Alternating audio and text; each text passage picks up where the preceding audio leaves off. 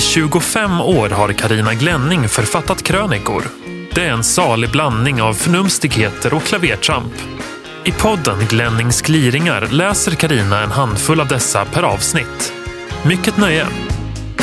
Vi har kommit fram till maj 2018 och det är dags för avsnitt 68 av Glennings gliringar.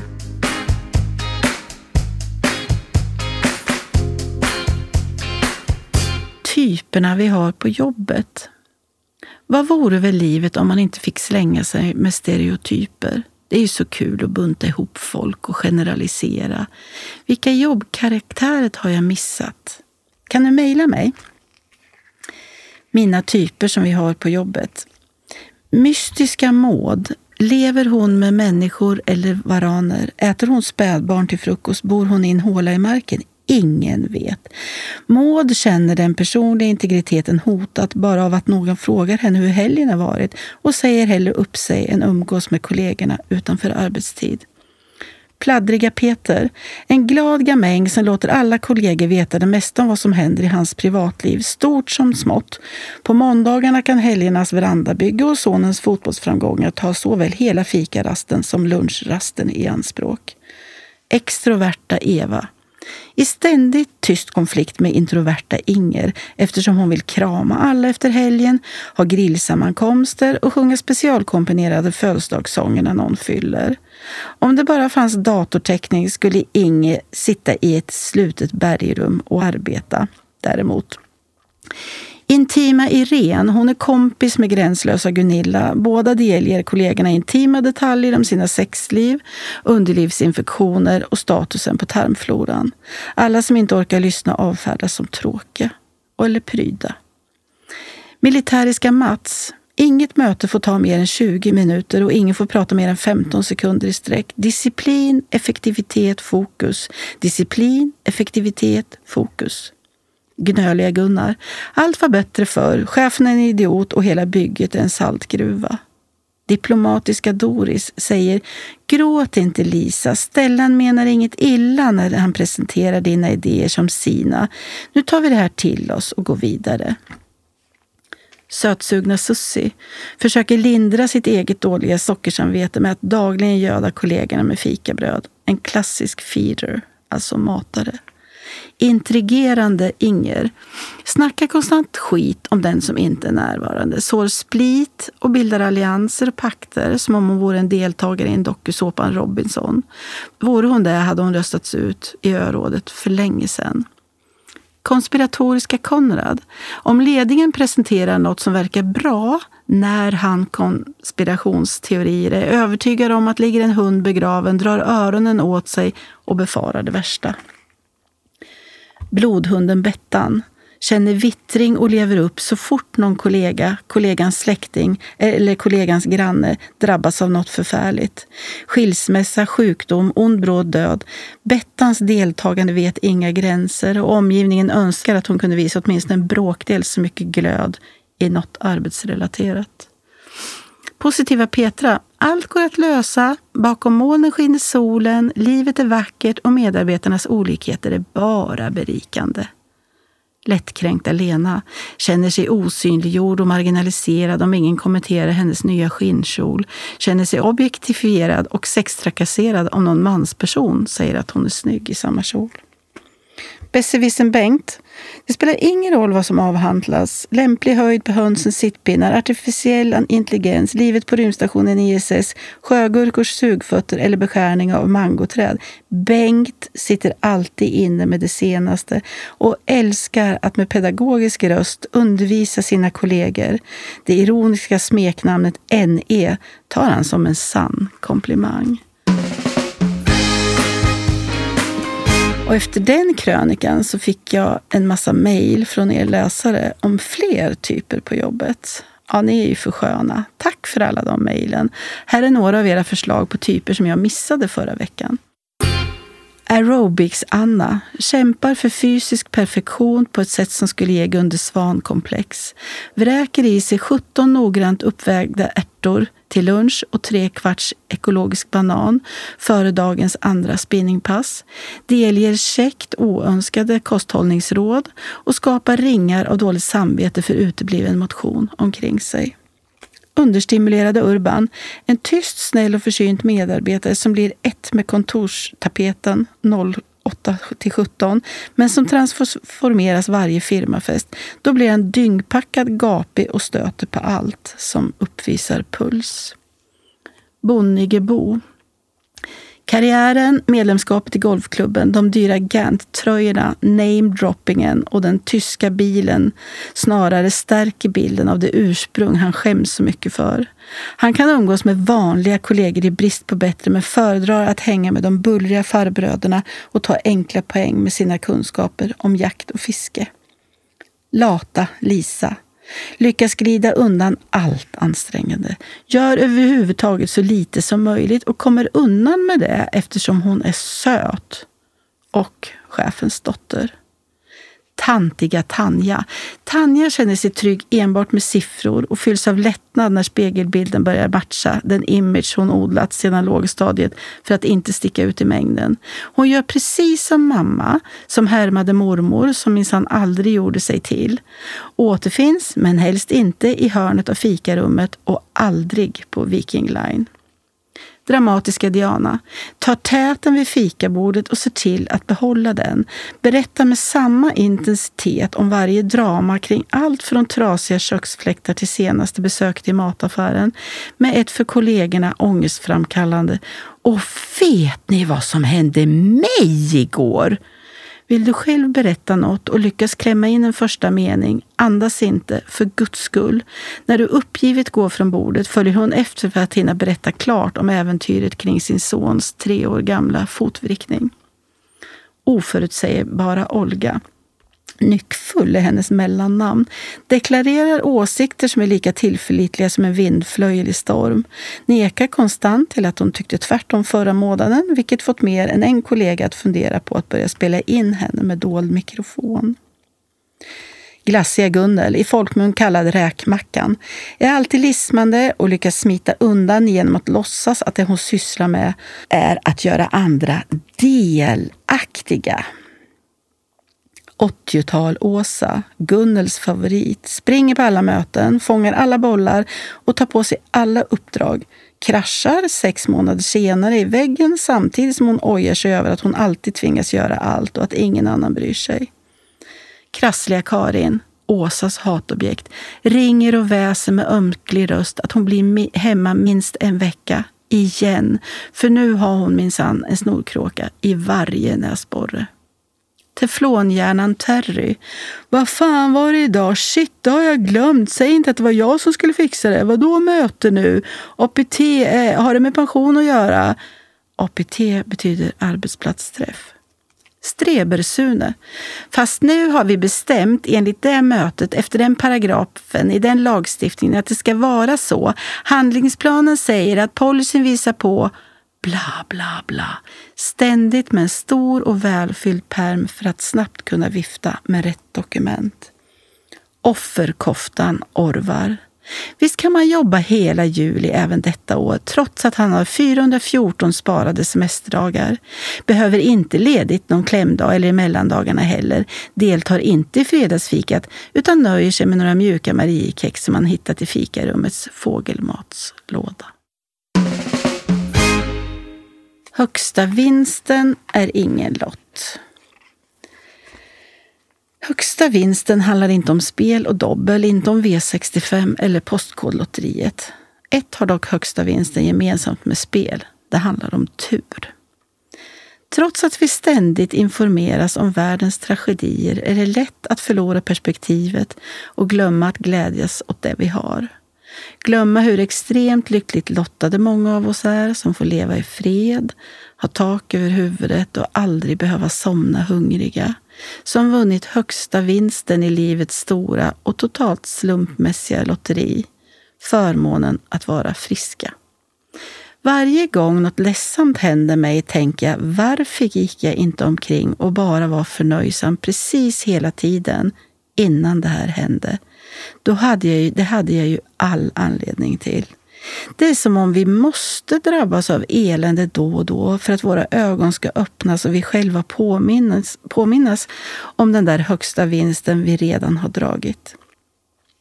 Det finns ett talesätt som man borde ha tatuerat på sin kropp. Den friske önskar tusen ting, den sjuke blott en. Jag tror att jag tar och gör en lista på saker som är bra i livet just nu. Både med sånt jag har och sånt jag är tacksam över att jag inte har. Då är det lätt att få listan lång. Mina närmsta är friska. Kanske inte precis kärnfriska allihop, men helt okej. Okay. Det kan ändra sig vilken sekund som helst. Så här gäller att glädjas åt just detta storslagna. Jag hade turen att ramla in i en fantastisk man, älskade gubben. Det skedde sent i livet, men han var värd att vänta på. Vi fick högsommar under hela maj, kanske som en bonus för att vi uthärdat världens längsta vinter. Nu kvittar det om det blir halvdåligt resten av sommaren. Vi har redan fått mer sommar än vad vi är vana vid. Jasminen blommar.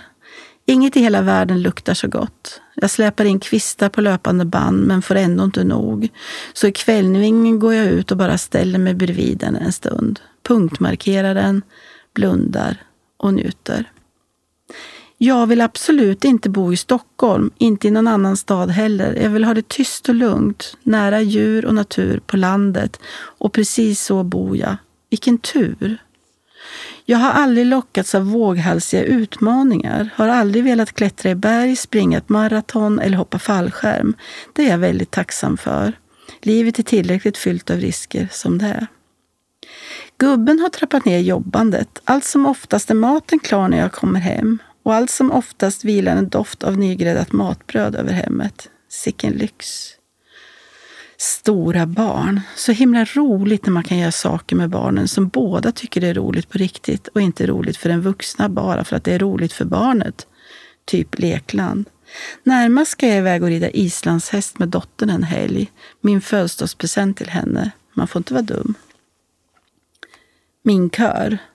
Att både få sjunga och gapskratta en gång i veckan är en ynnest. Det är min körledare Hanna Rydmans förtjänst.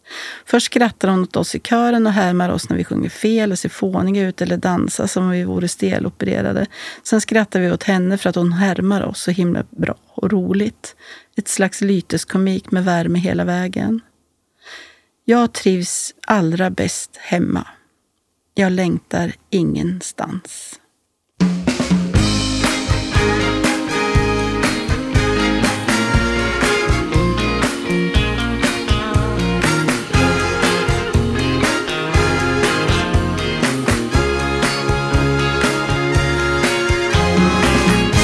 Får jag lov, Evert Taube?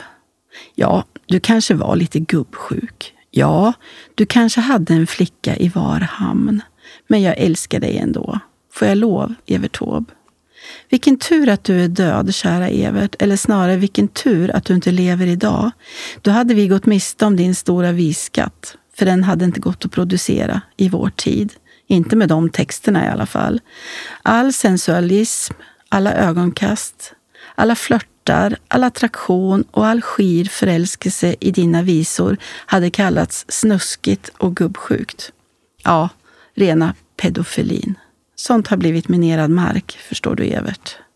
Men du är långt ifrån ensam, Evert. Cornelis Vreeswijk hade också blivit kölhalad. Tänk bara om hans balladen om herr Fredrik Åker och den söta fröken Cecilia Lind hade skrivits idag. Var tid har sina normer, sina glasögon, sin innebörd, sina omständigheter. Att titta på hundra år gamla texter med 2018 års glasögon och dra slutsatser om innebörd och mening är och blir fel. Så snälla, kan inte våra visskatter bara få vara i fred? Utan dina visor ingen midsommar, inte för mig i alla fall. Att jag fått sjunga dem är faktiskt bland det viktigaste imorgon. Jag gör det gärna ihop med andra, men finns det inga andra som vill så sjunger jag själv. Det har hänt. Imorgon är det alltså midsommarafton. Jag minns de sorgfria midsomrarna som barn på lövad brygga i Tullgarn där både pappa, morfar och farfar spelade och sjöng dina visor medan unga och gamla dansade och sjöng med. Texterna är så förknippade med den alldeles speciella sommarlovskänslan jag hade i magen som åttaåring. Senare i livet har dina visor mer kommit att symbolisera själva midsommartiden, då när Sverige är som frodigast och blomrikast, utom kanske i år när allt blommade över för tidigt. Att jag får sjunga Blå anemonerna, Fritiof i Arkadien, Så länge skutan kan gå och Pepita är helt nödvändigt. Jag är med dig. På Kollabellas höjda geten skuttar och glesa fur och skugga, ginst och sand. Där finns en grön oas, en äng som sluttar ner mot en vindal och en palmklädd strand. Och självklart dansar jag glatt med dig och Rönnerdal över Sjösala sång. Tärnan har fått ungar och dyker i min vik. Ur alla gröna dungar hörs finkarnas musik. Och se så många blommor som redan slagit ut på ängen. Gullviva, mandelblom, kattfot och blå viol. Likaså måste jag vällustigt njuta av den ödesmättade naturlyriken i Kalle Schewens vals. Då vilar min blommande ö vid din barm, du dunkelblå vindstilla fjärd och juninattsskymningen smyger sig varm till sovande buskar och träd. Jag vet inte var du håller hus nu för tiden, Evert. Om du är i Bohuslän eller Argentina, Ängön, Hölö eller Sjösala eller på din barndoms vinga. Äsch, vi ses på vilken äng eller kobbe som helst helt enkelt. För en vals i midsommartid när natten ännu är ljus. Vid 22-tiden. Ska vi säga så? Sov gott, kära sjöbuse. Semestern slutade i moll när vännen Torsten gick bort. Det var alls ingen överraskning. Han hade levt på övertid i decennier. Men jag saknar dig alla redan, din gamla sjöbuse. Mördarsniglarna förde oss samman. Jag skrev en krönika om de förhatliga krypen en bit in på 2000-talet. Torsten, gammeldansken Nielsen, mejlade och påstod att vi med lite tålamod nog skulle kunna lära oss att tillaga dem. Matlagning var hans stora passion. Vällagad mat hans signum. Det blev början på en mångårig mejlväxling och starten på en varm vänskap. Han kommenterade ofta mina kröniker, men inte alltid med hurrarop. Ibland var han vänligt tillrättavisande också, som när jag kallade livet efter 50 för döhalvan. Fel, fel. Livet mellan 50 och 75 heter Nöjeskvarten, upplyste han mig om. Nu finns tid att njuta. Han var enkling och Birgitta änka, båda med liv kantade av svår sjukdom när deras väg korsades för 15 år sedan. Deras gemensamma livsdevis blev att göra varje dag till en liten fest. Att njuta av livet och varandra, att ta vara på nuet, att känna förnöjsamhet över det man har, för vad hjälper att klaga? Trots en sjukdomshistoria som började med en hjärtinfarkt 1989 och följdes av flera höll Torsten fast vid den devisen in i det sista. Det var inte bara tomma ord. Var fick han sin livsinställning ifrån? Det där att alltid fokusera på det positiva. Född i Danmark flyttade han med familjen till Buenos Aires som 11-åring och blev först med att lära sig spanska för att ombesörja familjens inköp. Första jobbet var som grönsakshandlare. Som 20-åring drog han till havs i tio år som matros, fartygselektriker och slutligen som fartygsmaskinist. Han levde med aboriginer i Australien, forslade 900 avelskor mellan Australien och Sydamerika för att förbättra avelsstammen där. Eftersom han var den enda som förstod den spansktalande veterinären ombord var han med och förlöste drygt 30 kalvar under resans gång. Han assimilerade sig vart han kom, skaffade vänner och höll kontakten. Språkvirtuos som han var. Hans första 25 år resulterade i tre böcker skrivna ur minnet.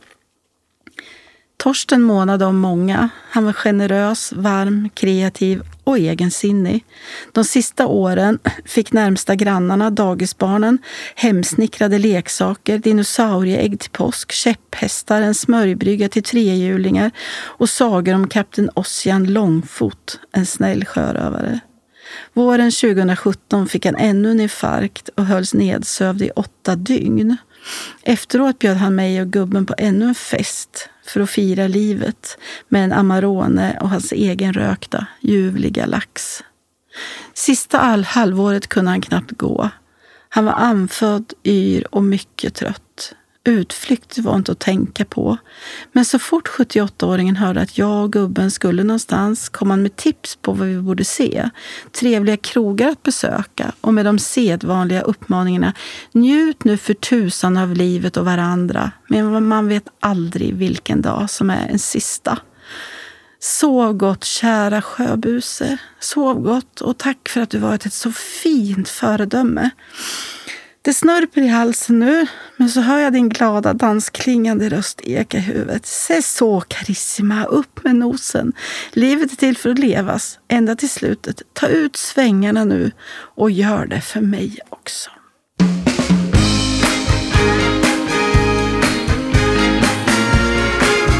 Du har lyssnat på Glennings gliringar. Ansvarig utgivare, Christer Kustvik.